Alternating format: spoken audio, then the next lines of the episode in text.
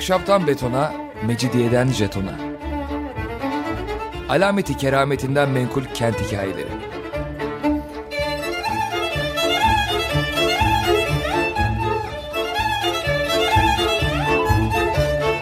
Hazırlayan ve sunan Pınar Erkan.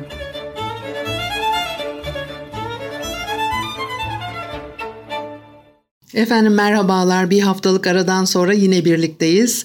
95.0 frekanslı açık radyoda ahşaptan betona, mecidiyeden jetona tam şu anda başlamış bulunmakta. Anlatıcınız ben Pınar Erkan. Elektronik posta adresim pinarerkan.yahoo.co.uk Bugün programımızda ne var? Yine 19. E, yüzyılın sonunda bir e, İngiliz yazar hanımefendinin İstanbul maceralarına devam etmek istiyorum. Halk arasında da e, geziyor.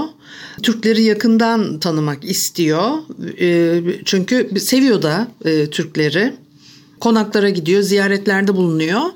Bu evleri ziyaret ederken karşılaştığı bu keyifli anları da anlatıyor. Yine orada da bir reçel ikramı falan var altın işlemeli şallara bürünmüş hizmetçi e, kızlar gül ve portakal reçelleriyle dolu kristal reçel kavanozları içine kaşık konulmuş kristal vazolar ve su dolu bardaklarla yüklü tepsilerle içeri giriyorlar.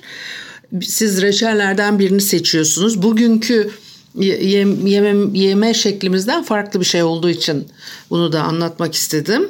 Kıbrıs'ta bulursunuz bu alışkanlığı. Belki e, İzmir'de de e, bazı evlerde gördüm devam ediyor. Ama İstanbul'da neredeyse hiç kalmamış e, gibi bir şey.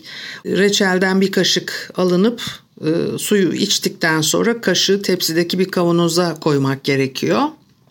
Ondan sonra da e, elbiseleri pullarla süslü başka bir cariye kahve ve sigara ikram ediyor. Ve de diyor ki yani evleri ziyarete gittiğimiz zaman ne o beş çayı dedikleri almazsak adeta kırıldıkları çay ikramına sıra gelirdi diyor. O haremlerdeki hanımları ziyaret ettikleri zaman erkekler varsa işte orada görevli yanlarında erkek gelmişse onlara çok hayret ediyorlarmış. Demek ki bu hanımlar bu İngilizlerin evlerine de ziyarete gidiyorlar e, evimize geldiklerinde hiçbir erkeğin hatta erkek hizmetkarların bile salona girmeleri pek acayip e, karşılandığı için e, erkek hizmetkarları önceden uyarırdık ama diğer Türkler tarafından görülmedikleri sürece abilerimle konuşmaktan çekinmezler, itiraz etmezlerdi diyor. Sonra da tembih ederlermiş. Abilerinizle görüştüğümüzü kimseye söylemeyiniz lütfen diye hiçbir erkek tarafından görülmeyeceklerinden emin oldukları zaman odada örtülerini açarlar. Paris ya da Viyana elçiliklerindeki akrabaları tarafından yollanan pahalı Paris kıyafetleri ortaya çıkarmış. O yabancı dil bilen Türk hanımları moda mecmualarını dikkatle takip ediyorlar. En son modaya göre giyiniyorlar ve de işte Rum terziler var haremde e, çalışan Beyoğlu'nda açtıkları o ünlü mağazalar Hayden e, e, Baker'dan kumaşlar taşıyorlar bu hanımlara. Ay bu da yani işte şapşal diyor ki Kur'an'ın hükümleri uyarınca saçlarını toplum içinde göstermeleri yasaklandığı için peçelerini kaldırdıklarında erkekler tarafından seyredilmeyeceklerini bildikleri halde modaya uygun bukleleri, Avrupalı kadınlarınki gibi dalgalı veya örülmüş uzun saçlarıyla karşılaşmamız oldukça şaşırtıcıydı diyor. Sonra bir de e, düğüne gidiyor e, yazar hanım ama zerdeyi de pek lezzetsiz bulmuş. Doğu'nun düğün yemeği diyor. İçki olarak fincan fincan kahve ikram edilmiş ve de e, işte çatpat Türkçe de e, konuşuyor. O çarşafların, e, yaşmakların, kıyafetlerin, sandalyelerin, divanlar, yataklar üzerinde sergilenen eşyaların yine hoşuna gittiği ve dikkat çektiği anlaşılıyor. Sonra da siyahi bir harem ağası yemek daveti verileceğini bildiriyor. Salona gidiyorlar filan orada o zerdeyi yemiş de beğenmemiş haspam. Bir de Türk evinde her şey çok mükemmel şekilde temizmiş. Zamanla ziyaret ettiği evlerin genel görünüşlerinde değişiklikler olmaya başladığını fark etmek onu çok üzmüş. Çünkü arkadaşlarının şark usulü eşyalarını terk etmeye başladıklarını keşfetmiş Diyor ki atkılı, kıtıklı sert divanlar ve dik arkalıklı sandalyeler, odaları baştan başa kaplayan o şarkın müstesna mobilyaları yerlerini Fransız mobilyalarına terk ediyormuş hay aksi. O güzelim nakış işlemelerin hatta gümüş ve kristal takımların, harikulade porselenlerin şömineleri taşlandırdıkları yerlerden alınarak fotoğraf çerçevelerinin ve modern e, vazoların e, konulması çok üzüyor kendisine. Hamamlar köşklerin hala en önemli bir bölümünü oluşturuyor. Demek ki evlerin hamamına da girmiş. Bir e, umumi hamama da gitmiş hiç memnun kalmamış yani beğenmemiş rahatsız olmuş neden o kadar işte o kadınların o çıplaklık falan orada o hava atmosfer onun hoşuna gitmemiş. Fakat diyor ki Türk kadınlarınınkiler kadar güzel ve manikürlü elleri başka hiçbir yerde görmedim. Bu sanatta gerçekten bir başarıya ulaşmış Türk kadınları tüm manikürlerini kendileri yapıyorlarmış. Yalnız halk tabakasından kadınlar onların ülkesindeki yüksek e, tabaka kadınların son yıllarda moda olan kırmızı tırnaklarıyla şarkları e, dehşete düşürmeleri gibi kiremit rengi kınayla tırnaklarını e, boyuyorlardı diyor. Bir de Fehim Paşa hikayesi var. Çok zalim, kimsenin sevmediği, nefret ettiği bir adammış. Kötülük dolu divanın en tesirli nazırlarından herkes korkarmış. Ve de işte sokakta meşhur parlak sarı arabasını yaklaştığını görünce panik içinde halka karışıp gözünden ırak olmak yapılacak en akıllıca işti diyor. Eğer arabasıyla gezintiye çıkan Türk hanımları Fehim Paşa'yı görürlerse her zaman arkalarından koşan bu canavardan saklanmak için aceleyle peçelerini örtüp arabanın perdelerini e, indirirlermiş. Bir gün Beyoğlu'ndaki İngiliz mağazası Hayden'de alışveriş yaparken kumaşlara bakan Türk arkadaşlarıma e, rastladım diyor. Onların dükkanın önündeki arabalarını gören Fehim Paşa da arkalarından içeri girmiş. Fehim Paşa'nın varlığını fark eder etmez kızlar birden kumaş seçmekten cayarak dükkandan dışarı fırlamışlar ve onlara hizmet eden mağaza sahibi de bu güzel hanımlar neden aniden kayboldular diye e, sebebini anlayana kadar şaşkınlıktan kurtulamamış. Ve de diyor ki böyle yağlı esmer yüzü, iğrenç yüz hatları, zalim, kurnaz bakışlı gözlerini görünce korkulan ve nefret edilen biri olmasına şaşmadım. Sallantılı bir şekilde tekerlenerek yürüyen bu iri, şişman, orta yaşlı adam kölelerin hükümdarlarına karşı gösterdiği hizmeti e, isteyen bir tavırla çevresini süzüyordu falan diye işte anlatıyor. Böyle sokaklarda gördüğü kadınların peşinden e, gidermiş, e, araştırma yapıp kimdir, neyin nesidir diye adreslerini öğrenip sonra evlerine gidip kızın haremine yollanılmasını istermiş. Onun için kadınlar böyle kaçıyorlar ve de eğer baba kızını Fehim Paşa'ya vermeyi reddederse güneş batmadan bütün ailesiyle birlikte sürülüp mallarına el konulabilirmiş. Kız da e, alınıp paşanın evine götürülüyormuş. O padişahın üvey kardeşinin e, e, şeytani idaresi altındaki İstanbul'da kesif bir terör dalgası esmekteydi diyor. Ve gittikçe daha saldırganlaşan, güç kazanan Fehim Paşa gizli kapalı yollardan yüklü bir servet sağlamış. Dedikoduya göre Fehim Paşa'nın hareminde padişahınkinden daha çok kadın varmış. Bir müzik arası verelim, devam edelim ondan sonra. Efendim Açık Radyo'da Ahşaptan Betona, Mecidiyeden Jeton'a devam ediyor. Haliyle Pınar Erkan'ı dinlemektesiniz. Ve de 1894 depremini e, e, bir İngiliz e, ziyaretçinin gözünden bir parça aktarabilirim belki. Diyor ki 1894 yılı ortalarında güzel ve sakin bir Temmuz gününü yaşayan İstanbul temeline kadar korkunç bir depremle e, sarsıldı. Çok e, büyük dehşet verici bir olaydı. Beklenmedik aşırılıklar ülkesinde 20 yıldır hissedilen en şiddetli sarsıntıyı var gücüyle bütün İstanbul yaşadı. Aniden bir e, sessizlik çöktü. Sadece insanların değil hayvanların da yüreklerini dehşete düşüren korkunç bir uğultuyla o sessizlik bozuldu. Deniz sanki kükrüyordu. Evimizi bir sarsıntı dalgası kapladı. Duvarlardan sıvalar döküldü. Sonra da evimizi yerinden söküp atacakmışçasına bir deprem e, takip etti. Bir an için iki Rum terziyle odada olan kardeşlerim haykıran terzi kızların deprem deprem çığlıkları duyulana kadar korkudan dona kaldılar. Rum kızlar deprem sırasında yere düşen bir kimsenin hiçbir zaman ayağa kalkamayacağı hakkındaki çok güçlü inançları yüzünden hemen oturmamızı istediler. Bu öğüde aldırmayıp yalıdan dışarı kaçabilmek için merdivenlere koştuk ama merdivenlerden inmek imkansızlaşmıştı. Her adım atışımızda sallanan evle birlikte basamaklar da öteye kayıyordu. Duvarlar yarılıp raflardan biblolar düşerken tablolar çivilerinde bir oraya bir buraya sallanıyordu. Korkudan titreyen kadınların haykırışları giderek artmaktaydı. Her taraftan çığlıklar gelmekteyken korkuluğa tutunarak nasılsa aşağı inmeyi başarabildik. Bir ceviz içindeki ufacık bir kurtmuşum gibi çevremizde sallantılı e, afetine duçar olmuş bahçeye varıncaya kadar sanki bir asır geçti diyor. Evlerin bacaları, duvarları, minareler yıkılmış hep. Müthiş bir toz bulutu havayı kaplamış. Üstelik de o hüküm süren dehşet ve kargaşayı sokaklara dökülmüş kadınlar, çocukların çığlıkları, yaşlıların anlaşılmaz mırıltılarını bastıran köpek, katır, at, horoz, kuşların birbirine karışan sesleri felaketin manzarası bir çılgınlık halinde hiçbir kelime bu korkunç manzarayı tasvir edemez ve de o şiddetli bir deprem sırasında insanın yüreğini saran e, dehşetli e, duygular aktarılamaz diyor. Böyle bakıyorlar yani bir kere çok şiddetli gelmiş ilk dalga dolayısıyla arkasından başka sarsıntıların da geleceğini biliyorduk diyor.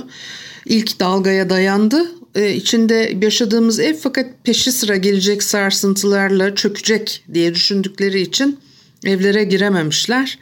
Ve de İstanbul'un eski Türk bölgesinin Anadolu yakasındaki hemen her mevkiden görüldüğü üzere ve o toz bulutları arasında yok olduğu hakkında söylentiler çıkmış. Sonra diyor ki o ürkütücü söylentilerin asılsız olduğunu öğrendik çünkü merkezden abilerimiz geldi. Fakat eski Bizans çarşılarının orta bölümünün büyük bir hasara uğradığı yani kapalı çarşıdan söz ediyor. E, yüzlerce e, kişi ölmüş buna çok üzülüyorlar. Heybetli bir kubbe altındaki çarşıların ortasındaki geniş alan deprem esnasında her zaman e, kaçılacak en emin yer olarak sayıldığı için halk büyük bir panik içinde oraya koşmuş. O büyük ağır kubbede yıkılınca altına e, sığınan insanlar e, duvarlar altında kalmışlar. Ve de e, gece karanlığı basarken arkadaşları ziyarete geliyor. Herkes tabii kendi hikayesini anlatıyor. Bir de Amerikan maslahat güzarı Mr. Riddle gelmiş demiş ki benim özel yatım şahane bir salonu var kocaman orada rahatça barınabilirsiniz ben size yatımı ödünç vereyim. Bunlar da pek memnun olmuşlar bu tekliften. Koşa koşa gidip yata e, girecekler depremden kaçmak üzere. Tekliflerini hemen kabul edecektik ama yaşlı Rum kayıkçımız Andriko vazgeçmemiz için bize yalvardı diyor. Depremden sonra gelebilecek dehşetli bir dalganın e, boğaz içine etkisi altına alırsa denizdekileri de mahvedeceği konusunda bizi uyardı diyor. E, neysem ki uyarmış. Karada kalmaya böylece karar vermişler ve o gece iki kere daha e, artçı depremler olmuş. Yataklarından kalkıp maksatsızca dolaşarak gerçekten de sonradan gelen diğer sarsıntıları e, beklemeye koyulmuşlar ve de ilk hafta boyunca en güçlü kadın ve erkeklerin bile sinirlerini yıpratan 16 korkunç deprem dalgası saydık diyor. Şehri terk edebilecek durumda olanlar aceleyle bu harap imparatorluktan kaçan dehşet içindeki insanlarla tıklım tıklım dolu tren vapurlarda yer ayırmaktalar. İstanbul'dan 1894 depreminden söz ediyorum. E, Kontes de Bostari'nin bebeği Etel de onlarla birlikte kalıyormuş ve de her sarsıntıda bütün aile çocuk odasına koşup o bebeği beşiğinden kapıyorlar ve güvenli bir yer arıyorlar ama sonunda da da bizi bebeğin beşiğinde mışıl mışıl uyurken gecenin soğuk havasında gelecek sarsıntılar için beklemekten daha e, emniyette olacağına inandırdı diyor. Deprem adalarda da hasar yapmış. Evler taştan yapılmış oldukları halde merdivenleri yıkılmış ve çoğu kere seyyar merdivenler bulunana kadar ev sakinleri içeride mahsur e, kalmışlar. E, Sir Edward Pierce ve Doktor Mizi meşhur e, Heybeliada'daki villaları ağır hasar görenler arasındaymış ve sürekli aralıklarla tekrarlaya tekrarlaya ciddi bir işte sıkıntı yaratıyor, bir karamsarlık yaratıyor. Depremlerin arkası kesilmeyince açık duran dükkanlar da artık en sonunda kapatmaya başlamışlar. Daireler kapanmış, birçok dükkan günlerce açılmamış, günlük faaliyetler, işte randevular ertelenmiş filan neyse. Bir de başka dedikodular da sarmış ortalığı. Ee, İstanbul'u yok edecek bir yanardağ Marmara Denizi'nin bir yerinde ortaya çıkacak diye bekliyorlarmış. Öyle ki yaşlı bir balıkçı e, bir yanı yanmış birkaç barbunya e, sarsıntıların yarattığı korku havası içinde herkesi yanardağın dibinin Marmara Denizi'nde olduğuna inandırmış. Yani demin başka bir şey söylemişti ama bu sefer de diyor ki iki uzun ve usandırıcı gün boyunca şiddet dereceleri değişen birçok insanı delirtip sinirlerini harap eden sürekli korkuya dayanamayıp yaşlıların ölümüne yol açan 40'ı aşkın sarsıntı oluyor diyor. Demin oldu diyor. Demin de iki hafta boyunca 16 sarsıntı ben yanlış mı hatırlıyorum? Dolayısıyla öyle de olsa öbür türlü de olsa çok kaygılanıyorlar ama bu sarsıntılar başladığı gibi diyor aniden sona erdi diyor. O geceyi dışarıda geçirme alışkanlığından ötürü işte kolay yemekler pişirme yoluna gidiyorlar. Hani o da bir hemen alışıyor ya insanoğlu o yeni sürece maalesef. Ne kadar alışıyor e, bilmiyorum ama işte anlıyorsunuz siz ne demek istediğimi. E, günler geçtikçe hayat normale e, dönmeye başladı. Depremden dolayı ölüme mahkum olmadığımıza dair yeni bir ümit belirdiğinden tehir edilmiş faaliyetler ve ülkenin iş hayatı canlandı diyor ama o 1894 yazı boyunca işte devam ediyor ara ara depremler. O sosyal hayat sona ermiş. Şehre gelen turistler ve ziyaretçiler daha emin ülkelere kaçmışlar. Ülke dışında gezide olanlar da uzun bir süre geri dönmemişler. O dönemin e, büyükelçisi Sir Philip Curry güvenlik duygusunu yaysın diye işte insanların o kasvetli havasını dağıtsın diye tarihi yerlere, sanat yapılarına geziler düzenlemiş filan. Diyor ki kapalı çarşının tavanı çöktükten sonra birkaç ay süreyle e, çarşı kapalı kalmış. E, halka açılır açılmaz da ilk olarak bunlar kalkıp gitmişler. Yıkıntı anında ölenler aylarca enkaz altında gömülü kalmışlardı. Facianın sebep olduğu enkazı temizlemek için yetkililer hiçbir şey yapamadılar. Sadece arabalar dolusu kireç taşınmıştı. Yıllarca bu ölüm yerine yaklaşmamıza izin verilmedi diyor. Ay hiçbir şey değişmiyor. Aradan yüz küsur yıl geçiyor. Hiçbir şey değişmiyor.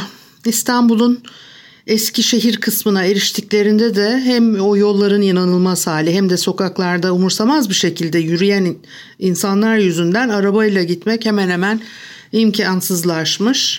Sonra uzun uzun kapalı çarşıyı nasıl gezmişler onu anlatıyor. Bakın bir de arkadaşlar yani şöyle de bir durum var.